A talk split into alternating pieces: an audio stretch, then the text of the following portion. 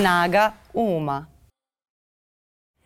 Dobar dan, dragi ljudi. Dobrodošli u podcast Snaga uma. Ovde iz ponedeljka u ponedeljak razgovaramo. A, u poslednje vreme sam dosta razmišljala o tome kako je naša javnost, kojoj se često ljudi obraćaju kada imaju neki problem koji bi trebalo možda institucije da reše, postala kao neki trauma centar, e, gde se na, na brz način bavimo problemima koji su goreći i onda vrlo brzo prelazimo na drugi, a da vrlo često ne stignemo da ispratimo uh, oporavak, ne, ne, ne stignemo možda da izvučemo neke lekcije koje bi trebalo kako se neke stvari ne bi ponavljale, jer se dogodila nova drama svake nedelje i mnogo brzo zaboravljamo stvari koje su nas pre možda samo nedelju danas šokirale i zbog toga mi je jako drago što ću e, danas razgovarati sa aktivistom lokalnog fronta, e, Predragom Voštenićem, kom se takođe na neki način e, tek sležu utisci svega što, što je doživeo u poslednjih mesec dana i drago mi je da razgovaramo malo ovako hladnije glave možda o ovoj temi. Dobro mi došao i pre svega kako si, kako napreduje tvoj oporavak. To je nešto što sve zanima verovatno. Prvo mnogo hvala na pozivu mnogo mi je prijatno i uh, nekako mi je baš zadovoljstvo da sam ovde gost. A uh, tako je, sležu mi se utisci, s tim što svako sleganje prati podizanje prašine, jer mi je svako sleganje utisaka zapravo još jedna uh, retraumatizacija svega onoga što se desilo. Naročito što sam poslednje vreme postao Uh, skoro pa autoreferentan. Sam sebi pominjem to što mi se desilo bez neke prilike da mi to institucije ili svedoci kažu da je bilo mm -hmm. tako ili nije jer e, stvarno nekako odgovorno gledam na to da ne bude da e, subjektiviziram ono što se desilo, niti da podlegnem bilo kakvoj vrsti konstrukcije, nego da e, pokušam da to preživim kao traumu, što zaista i jeste bilo u mom životu. A sad, za slučaj da neko ne zna, ja ću samo da rezimiram da ne bih tebe terala ponovo da, da pričaš šta se dogodilo. Dakle, za ljude koji ne znaju, um, ti si pre nedelju i po dve, da, dve nedelje, tako dve nešto, i. dve i po nedelje već, uh, bio napadnut na neki način u saobraćaju, ti si da. vozio bicikl, udario te automobil uh, i imaš apsolutno razloga da veruješ da je to automobil koji te nije greškom udario, već da namerno uh, vozač nije stao, uh, da bi na, nakon toga dobio i pretnje od ljudi iz tog automobila, da bi se uskoro saznalo da je izvesno da su u tom automobilu sedeli uh, pripadnici MUPA i velika se prašina opet podigla oko toga da to nije nekakav nasumičan slučaj nasilničke vožnje i nasilja, nego i stvar neko, neke vrste političkog progona, zastrašivanja i nasilja koje je politički inspirisano, inspirisano mržnjom. Uh, ti sad kažeš da ti se još uvek nije tužilac javio, da taj postupak se još uvek nije pokrenuo, iako je nedelju dana cela država pričala o tome, onda se dogodio prizer, onda se dogodilo Kosovo. Mm. Pa to, to je ta salama kultura, uh. -huh. gde go, kad god se pojavi nešto što je jestivo ili jeftino, odmah možemo da zaboravimo na nešto što bi mogla biti glavna tema. Ja ovde nijednog trenutka u svom ovom konkretnom slučaju nisam kalkulisao sa motivima ljudi koji, bi to, koji su to uradili. Ja sam samo i snažno doživao i gotovo da mogu da argumentujem u više navrata da su to uradili namerno, ali sa kakvim motivom to stvarno nisam mogao. E, javnost je ta koja je preosetljiva i koja je zapravo u onome što lokalni front radi i u meni lično verovatno videla opasnost po to što je preostalo u društvu, to je aktivizam, da nekako ne bude ubijeno i da može biti politički motivisano, ali zaista mi nismo instrumentalizovali javnost da se tako odnosi. Ono što jeste, ja bih voleo da se to sazna. Da bi se to saznalo moraju da utvrde činjenice, a činjenice ne dolaze od subjektivnog, dakle ne od mene, ne ni od onih koji su vinovnici te nesreće, nego od okolnosti pod kojima ćemo, koje će rasvetliti i to što ja govorim i to što oni govore. To je zapravo moje uverenje da bi trebalo da se desi i na tome ću insistirati do kraja. Dobro, ali javnost e, ima, da kažem, razloga da to tretira kao političku priču, naročito nakon što se dogodilo da se u tim nekim uh, medijima bliskim vlasti, a da ne govorim i e, u pojedincima koji su da. u vlasti, su se provlačile te izjave, znači bio je čovek koji je vozio taj automobil je govorio, dakle do, dogodila se cijela jedna kao nekakva mini kampanja odbrane tih ljudi iz tog automobila kao po vrlo sličnom principu kao za Koluviju, samo mnogo manje jer je i slučaj, da kažem, mnogo, mnogo manje problematičan verovatno za njih, ali dakle to je taj neki model, idemo kroz medije, pa ajde njega humanizujemo, on je dobar čovek, kakve veze ima, malo su popili kao da to sada nema veze što je neko mm. pijan vozio, ali sve to sa sve izjavama predsednika nekako vrlo deluje kao da je politički inspirisano ili čak ako i nije inspirisano, onda da nakon što se dogodilo eh, država odobrava ili preventivno reaguje. Da. Zato što njima može najveća šteta eventualno da dođe od činjenice da to neko uh, doživi ili interpretira na, uh, na, kao politički progon. I oni su se unapred ogradili od toga da im se slučajno ne bi nanela šteta.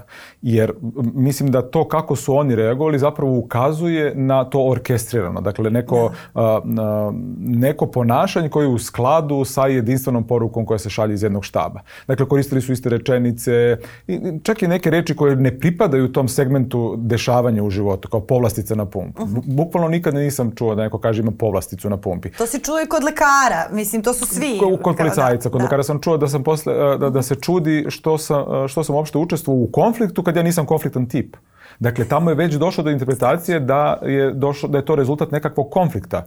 Dosta zanimljiv konflikt koji se ja zalećem biciklom na dva automobila.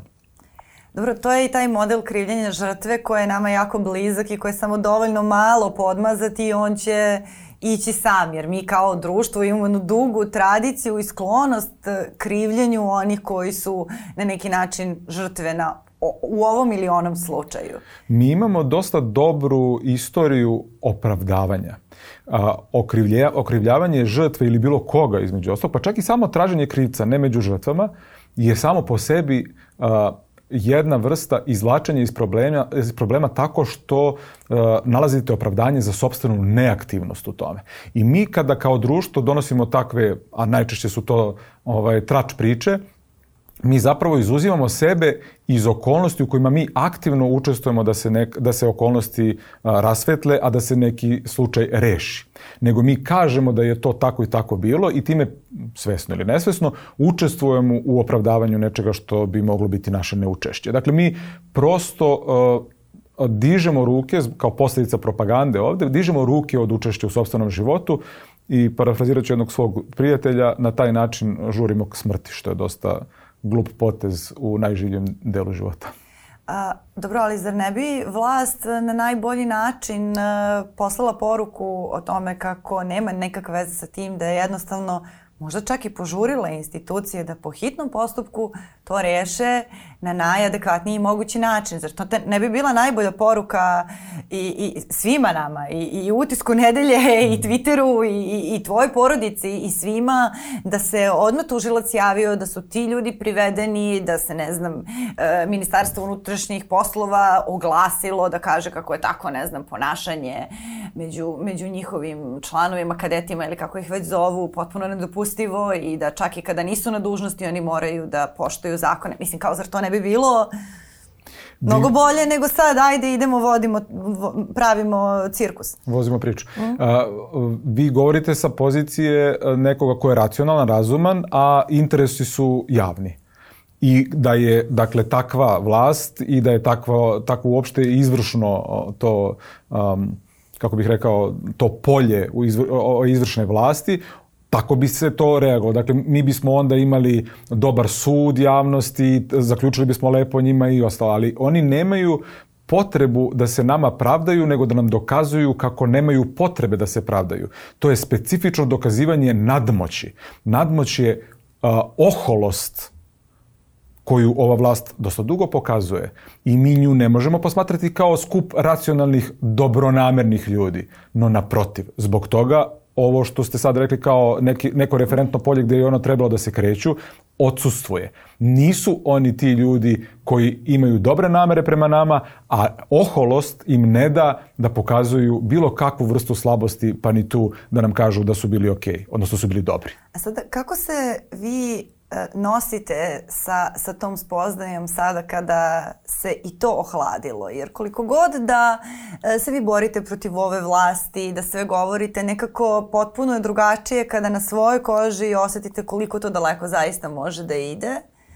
O, jer većina ljudi ipak se nada da tu ta neka ljudskost postoji, da postoje neki zajednički interesi, da, da ćemo mm. u nekim najproblematičnim situacijama biti zajedno, jer smo mnogo malo društvo, jer smo ipak svi ljudi.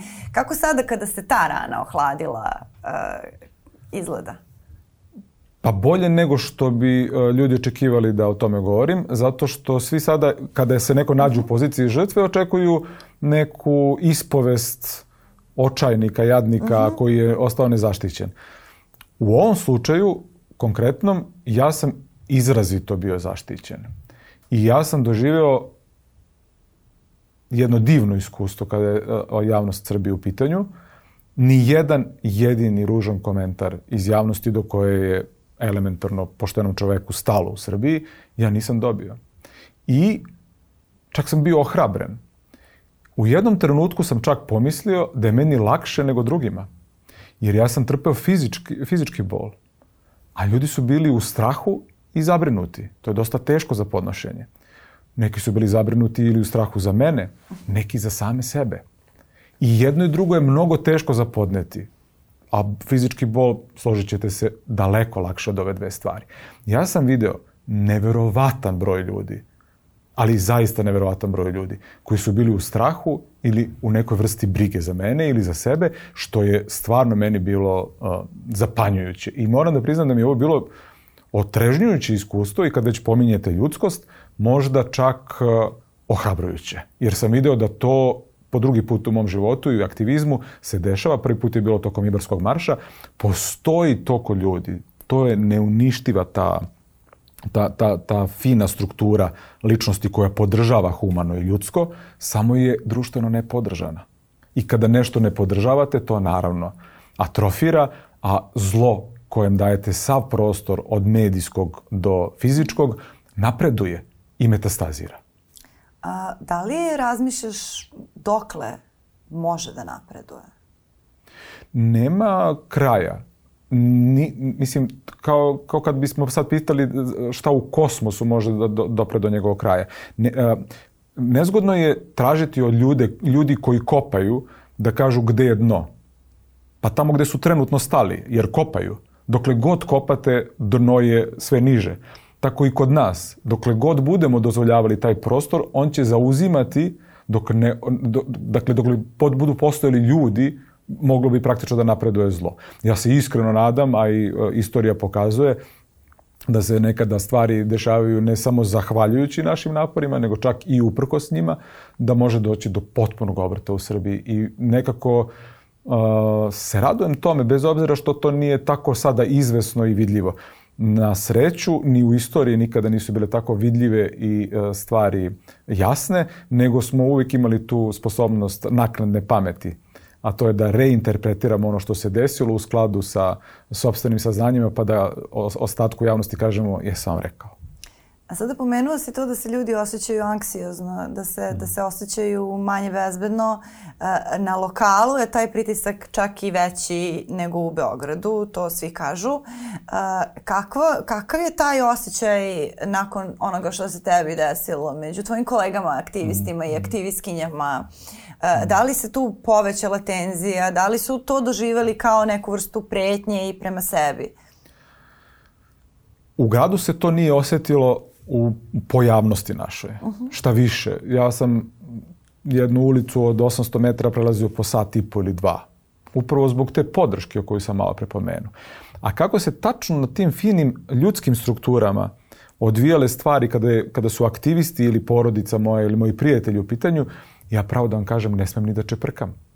Jer me strah da ako budem baš tako i direktno postavio pitanje da li se sad ti plašiš više ili manje, da ću u stvari pred te ljude ispostaviti račun za to što se meni desilo, da oni plate, a mislim da nisu dužni. Da se vratimo na ovaj zakonski deo, pošto to nismo, nismo prošli. Ti još uvek, dakle, čekaš da se tužilac javi na neki način. Dakle, da. taj slučaj još uvek uh, nije postao zvaničan slučaj. Dok god ja ne dam izjavu, meni neće biti do, dostupni ni podaci iz dosadašnje istrage. A očekujem dakle da me kao učesnika u tom događaju uh, tužilac pozovi da dam izjavu, nakon čega će i meni i ljudima koji su u mom pravnom timu uh, biti dostupni ti podaci. Tako da uh, teško je uvek u tim zakonskim formalnostima čačkati i tražiti pravdu. Ohrabrilo me je to kada sam rekao svojim advokatima da se osjećam izrazito neprijatno zbog kontakta sa sudom, tužilaštvom, zbog tih formalnosti tog tipa gde će me neko gledati, ispitivati, preispitivati sve šta sam rekao, da ne tražiti svaku nedoslednost u mojoj izjavi ili me držati negde uspravno da odgovara na njihova stroga pitanja. Jer mi to stvarno, stvarno doživljam kao neku neprijatnost i morao sam da podelim sa njima, oni su mi rekli to svaki normalan čovjek ima. I onda sam pa stvarno doživeo kao neku vrstu olakšanja, jer ja sam mislio da je to neka meta krivica u meni koja mi ne da da se ponašam prema institucijama normalno, a u stvari to je što institucije moraju biti rigidne, ja se nadam bići u mom slučaju, kada je činjenično stanje u pitanju da bismo došli do tog zrna pravde. To zrno pravde u stvari jedino čega smo mi ovde žedni. I zbog toga izostaje ona, ona malo prešnja reakcija koju ste vi opisali.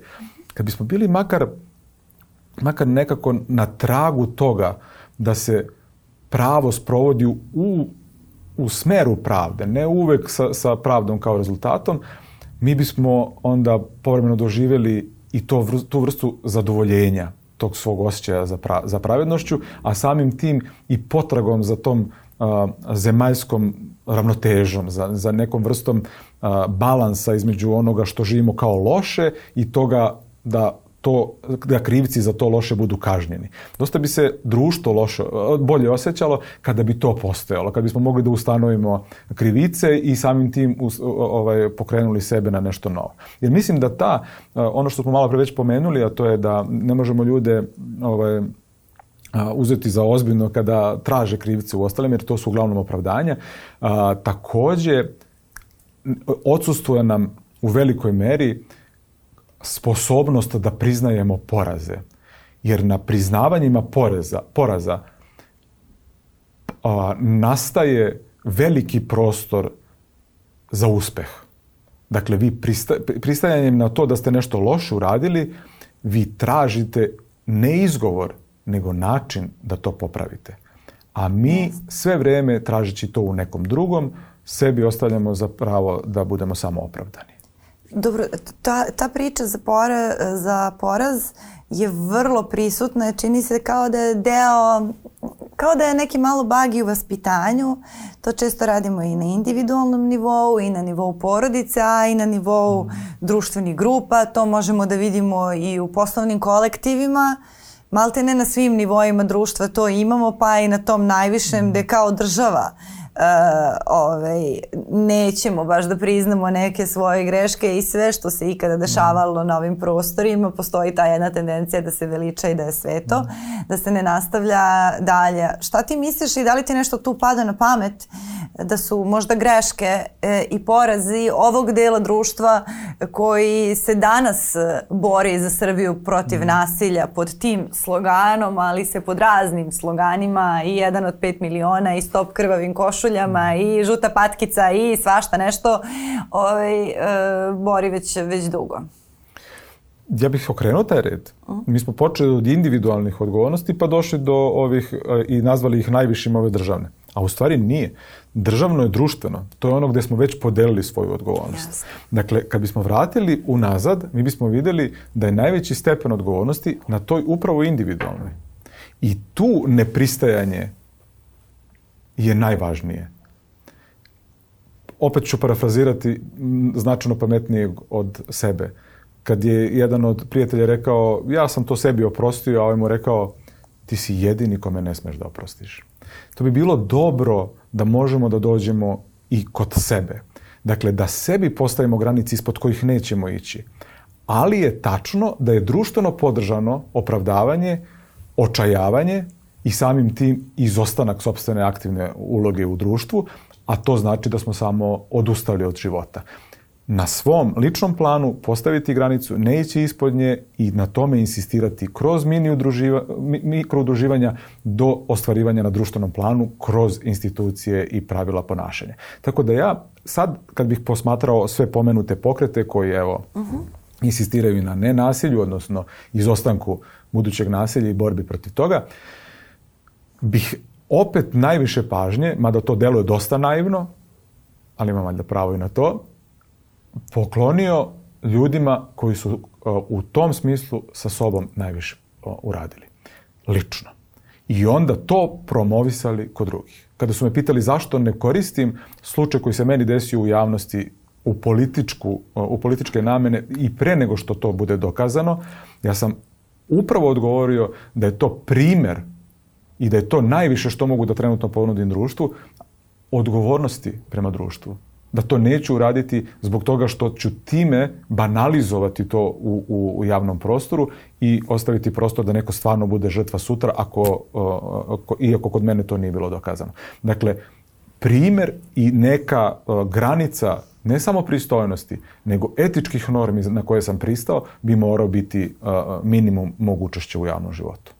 Da ti si na neki način uzbunio javnost obavestio javnost jer da nisi to pitanje da li bi se ikada išta sa tim slučajem desilo. Znamo kako se stvari dešavaju u Srbiji, ali nisi učestvovao... Znaš šta, se, uh -huh. šta se tu desilo vrlo važno?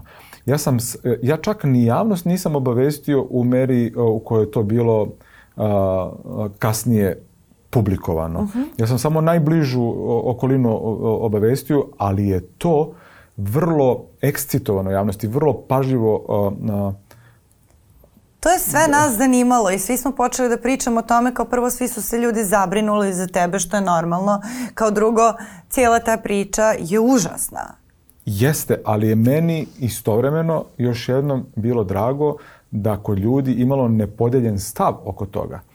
A, imale su, pa, postojale su različite interpretacije šta se desilo, ali je bilo nesumnjivo da je nedopustivo. Da to je dosta važna granica koju ovaj, društvo može da postavi. A kažem, ja tad nisam obaveštavao javnost, ljudi su se međusobno obaveštavali, a postaje, ja sam imao zapravo m, baš onako nepodeljenu podršku lokalnog fronta i svih ljudi koji imaju ikakve veze sa lokalnim frontom. Čak su se fizički pojavili za par minuta ovaj, na svim mestima gde sam prolazio, tako da ja u tom smislu sam osetio se nekako snažnijim no što jesam, ali, se, ali sam video da društvo mogu pokrenuti stvari kada a, nemaju sumnji u, a, u ono što smo malo prepomenuli. Nemaju sumnju u to da li je to istinito, da li im neko podneće. A, a nisu imali sumnje da li je istinito to što se desilo samo zbog toga što ih mi, dakle u, našem slučaju lokalni front, nikada nismo naveli na, na, do sada, nikada nismo naveli na loš trag. Nismo ih nikada lagali u vezi sa tim. I nikada, i ovog puta dokazujemo, nećemo da pokušamo da manipulišemo onim što se dešava. E, ja sam u najavi rekla da imamo tu sklonost e, da se temama bavimo dok su šokantne, a da vrlo često ne ispratimo dalji e, razvoj događaja. Nekada ćemo možda da ispratimo pravno šta se desilo, ali to da posvetimo dovoljno vremena da zaista izvučemo pouke iz nečega, da se osvrnemo, da vidimo šta bismo mogli bolje, često ne stižemo, zato što je previše šokantnih događaja.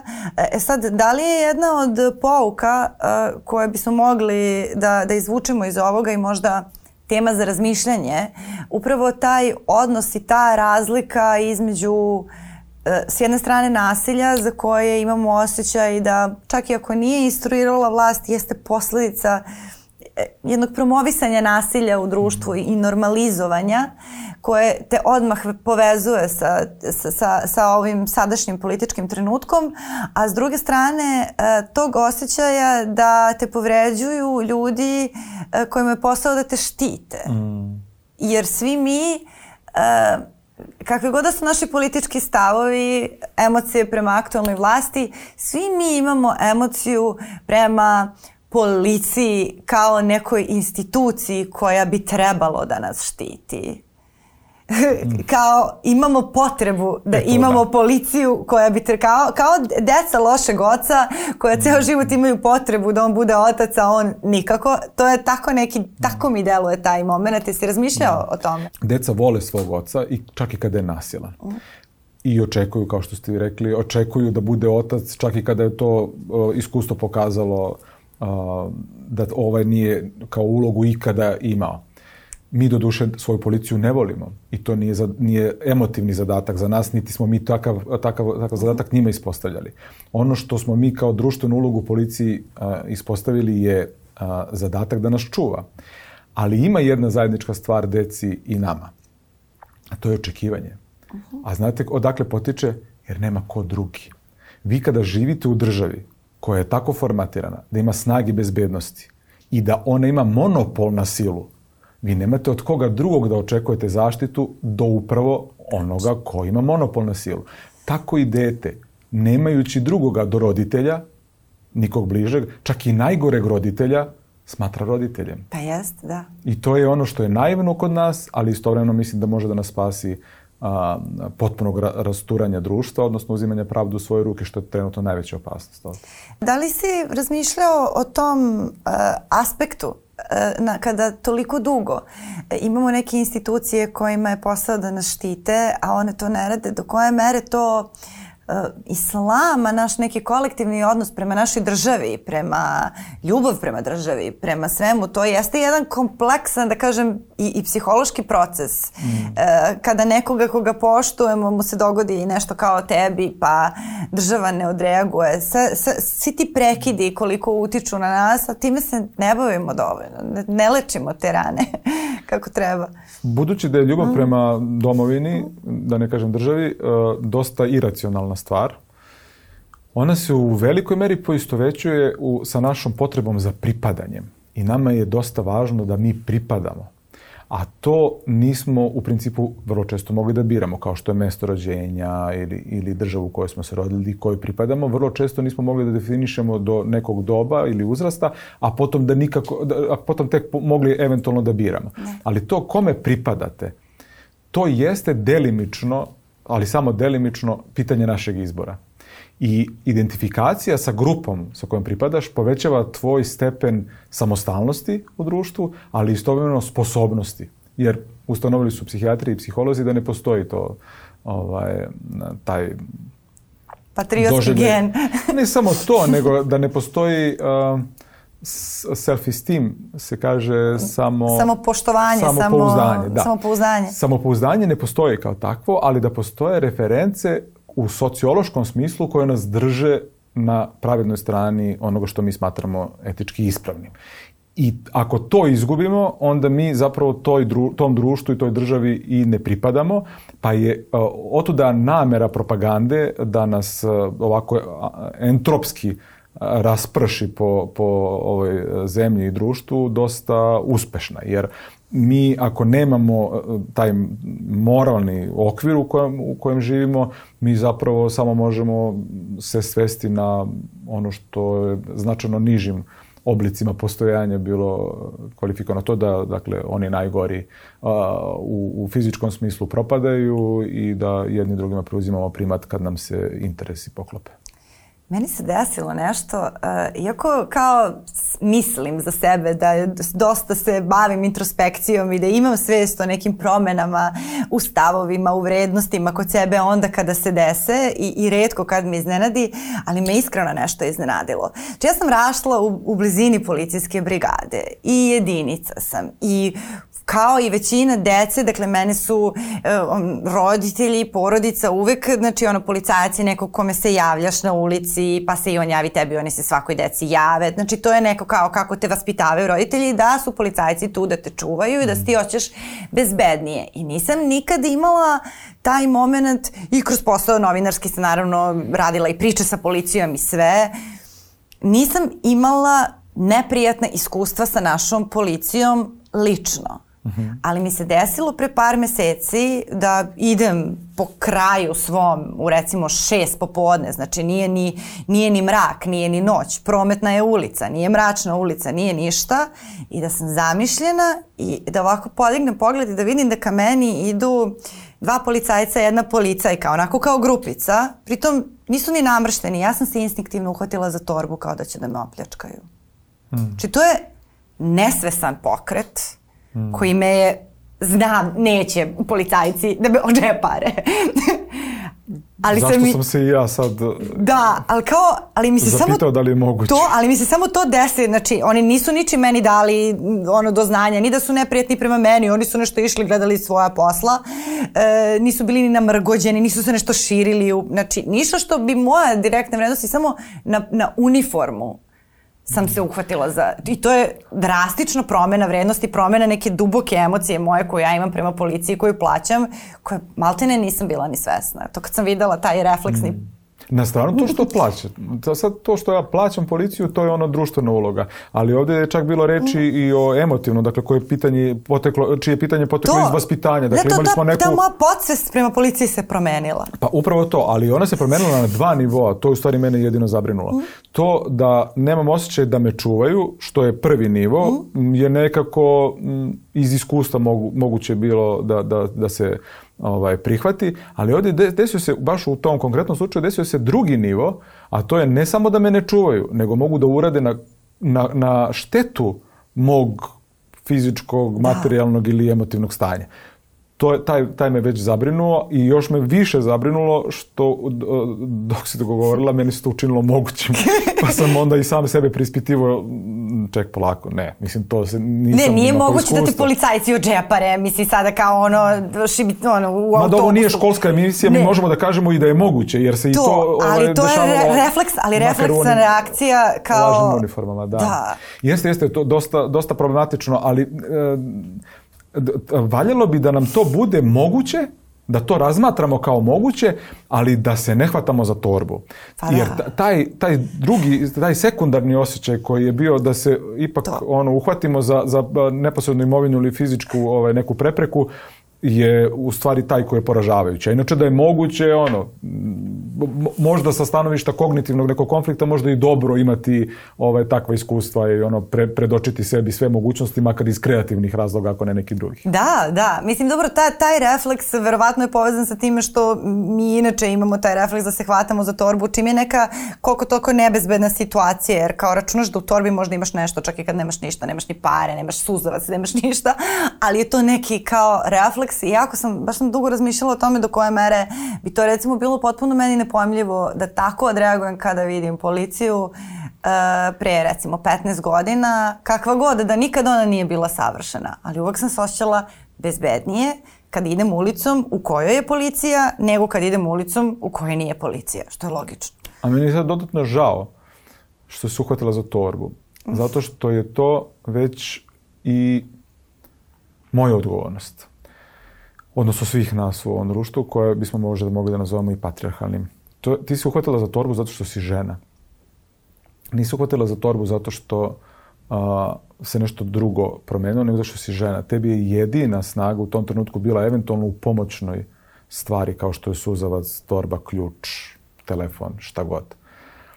Adrenalin u tebi nije posezao za torbom, nego eventualno za dubljim disanjem i snagu u nogama da bežiš. A ti si uhvatila za torbu, što je moja odgovornost i svih nas koji ovde živimo. Dakle, ti živiš u nekom društvu gde kao žena posežeš za torbu. Pa da. Jeste. To mislim, tačno. mi, stvarno. To jeste, ali ne to da mislim ne, izvini, ne živim samo ja, žao. živi 90% žena uh, kada ide samo ulicom, ima u svakom trenutku svest o tome šta od predmeta ima pri sebi, da li neko hoda iza nje, to je već totalno jedna druga, druga tema. Uh, tako se i vaspitavamo od malih nogu jer ti je to sistem preživljavanja. Znači to nije sada nešto što, što ti nehotice pokupiš, to naučiš. Ako još jednom kažem žao mi je, da. onda ću banalizovati ono što sam prošlo. Ne, ne, rekao, hvala, ti što si, hvala ti što si to rekao, ali je jako, jako čudan taj moment da, to, da, da, da se taj refleks desi od policije. Mislim, ovo sam podelila, iako to nije poenta ovog podcasta, mm. ali kako si, kako si govorio, tačno sam se setila tog, tog, toga koliko su se stvari mnogo promenile tako što se iz nedelje u nedelju dešavaju ti neki šokovi koje zaboravimo i onda se samo ostvrneš i setiš se gde si bio pre 10 godina po nekim odnosima, stavovima i tako dalje i koliko je sve otišlo mnogo daleko odatle u ovako od nedelje do nedelje jer se ne bavimo mm. ovaj, promišljanjem svega što nam se dogodilo dovoljno možda. E, zato i kažem da je odgovornost, individualna odgovornost možda ponajveća, jer čak i ako kao društvo nismo odreagovali, to ne znači da ne bismo morali da imamo svoj stav ili sud o nečemu što se događa u društvu na individualnom planu. Da, jasno. Možda, ja sam do duše imam te godine kada mi svaki zaključak zvuči dovoljno glupo, jer ako mu neko da konačnost, ja ga već smatram glupim zaključkom, jer ne postoje stvari koju u životu možemo zaključiti određenim stavom. Uvek je sve moguće preispitivati, naročito ako je nešto dinamično kao što smo mi sami ili kao što je društvo. Dinamiku uvek treba preispitivati zato što je to i očuvanje između ostalog i našeg naše svesti i na, naših tih etičkih normi kojima pripadamo.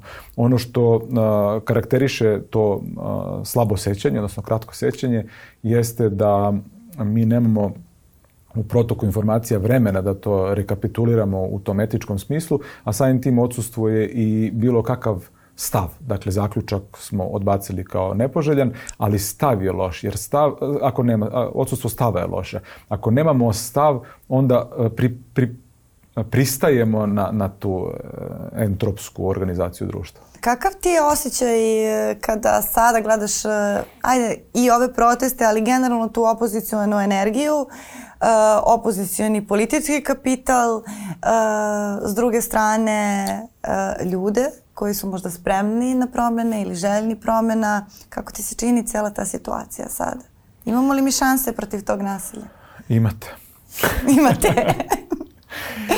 ja sam svoje obavio i... da, šalim se. Naravno, ovaj, ne da imamo, nego, je, nego mi šanse ne ustanovljavamo u žardinjerama oko sebe. Mi svoje šanse stvaramo koliko god to i dalje delovalo opet naivno sa moje strane, mm. svaka šansa koju u životu uh, ugledaš je samo rezultat tvoje potrage za njom. Nije se ona, nije ona, ona uznikla negde pored. Tako i sada. Trenutno, i to stvarno ne treba pripisati kao odgovornost ni opoziciji, niti pojedinom opozicionom političaru, možda nekim saradnjama opozicije sa, sa vlastima na, na polju degradacije društvenih vrednosti, da, ali može se videti da je da, da ljudi borbom u javnom prostoru vrlo često uh, iskazuju svoj stav, ali ga ne okončavaju misleći da time donose interes nekoj političkoj grupaciji. O, o, to, to raz, ra, defamiliarizovanje ljudi i političkih struktura koje ljude treba da predstavljaju je najgora posljedica o, ovih politika posljednjih 30-40 godina kod nas, 30 pa, pa, tačnije, a boga mi nismo baš tako ovaj, izuzetak ni u svetu. I svet ima dosta slična iskustva sa odsustvom zastupništva u politici. Ljudi i njihovi interesi, najčešće javni interesi, dakle oni koji su zajednički, mnogo često divergiraju u prostoru od, od onoga kako se ponašaju vlasti. Jedno kad smo, e, vlasti, odnosno političke strukture, uh mhm. -huh. pa makar one bile i u ovom slučaju namo bliski kao opozicione. U jednom, u jednom od tih istraživanja koje smo ranije imali kao dominantna na polju vrednostnog, vrednostnom polju ovaj, izbora, uvek smo se suočavali i teško podnosili činjenicu koju sam ja još od, od naše crte naučio, to je da se interesi partije interesi građana vrlo često ne poklapaju. I to je ono što posle izvestnog vremena demotiviše ljude da učestvuju u političkom životu misleći da sve što doprinesu i gde god da ulože svoju energiju neće uložiti u nešto svoje ili zajedničko, nego će uložiti u afinitete i potrebe nekog političara koji će od toga da profitira platom, beneficijama ili trgovinom moći u, kasnijem nekom položaju društva. Ali je to jako zanimljivo. E, zanimljivo je da će ljudi vrlo ljubomorno možda da čuvaju svoje vreme i svoj politički kapital koji imaju kao pojedinci, da ne bi sada neko dobio tu poslaničku platu od ne znam 100.000 koja će da mu ode na one kazne uglavnom ako je opoziciona ličnost u pitanje i tako dalje, a s druge strane će vrlo rado da rade u korporacijama, radit će za, privrednik, za privetnike koji će ih direktno izrabljivati, koji će ih možda kinjiti i koji će se na njihove oči bogatiti od njihovog rada, neće to tako tretirati, nego će reći ovaj mi je dao posao ćuti, ovaj mi je dao nešto i to je vrlo zanimljivo. I nažalost i opasno. Da, da. Jeste to, s jedne strane jeste zanimljivo, ja to razumem, ali s druge strane je opasno zato što a, to stimuliše našu potrebu da tražimo žrtve. Da.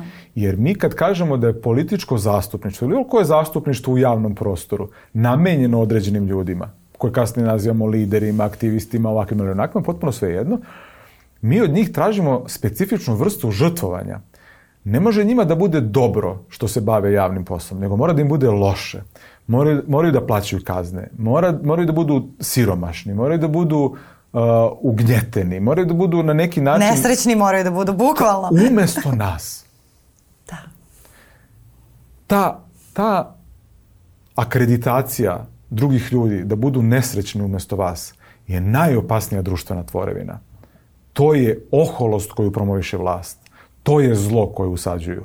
A to je da mi junaki i heroje novog doba nemamo po tome što su učinili velika dela za javni interes, nego što su žrtvu podneli umesto nas. Oštećeni, povređeni ili poginuli. Umesto nas.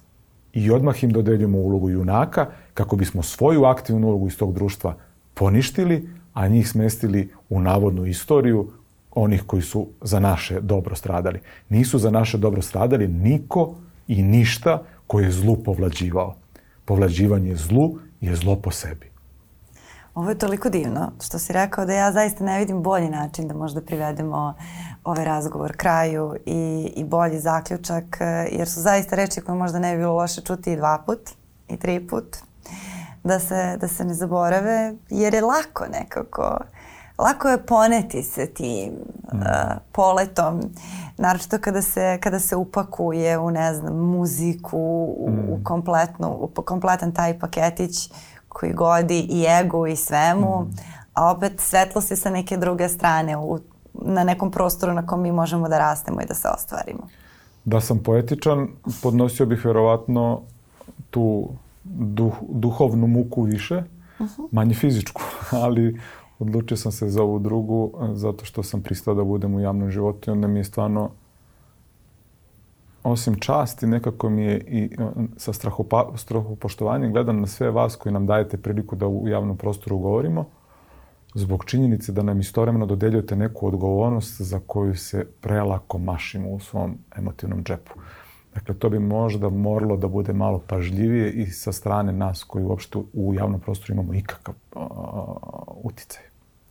Hvala ti mnogo i nadam se da ćeš ozbiljno da shvatiš uh, svoj fizički oporavak i to sve da zaista dozvoliš sebi da se skroz oporaviš, da bude kao da, da, da bude kao da ništa nije bilo, ali da ćemo mi kao društvo uh, da ne dozvolimo da bude kao da ništa nije bilo, da se to ne zaboravi. Da tvoj organizam i zdravlje zaborave, a da mi kao društvo ne zaboravimo da se te stvari ne ponavljaju. Nikom ja ne zameram ništa. Verujte, dakle, nijednog trenutka ne bih zamerio ljudi, stvarno imaju pravo na svoj život, potpuno imaju pravo da upravljaju njime. Da li se sećaju ili ne sećaju, to je odgovornost prema zajedničkoj budućnosti, ali ne prema moje. Hvala ti. Hvala i vama. Mi smo tu i sledećeg ponedeljka na Nova RS.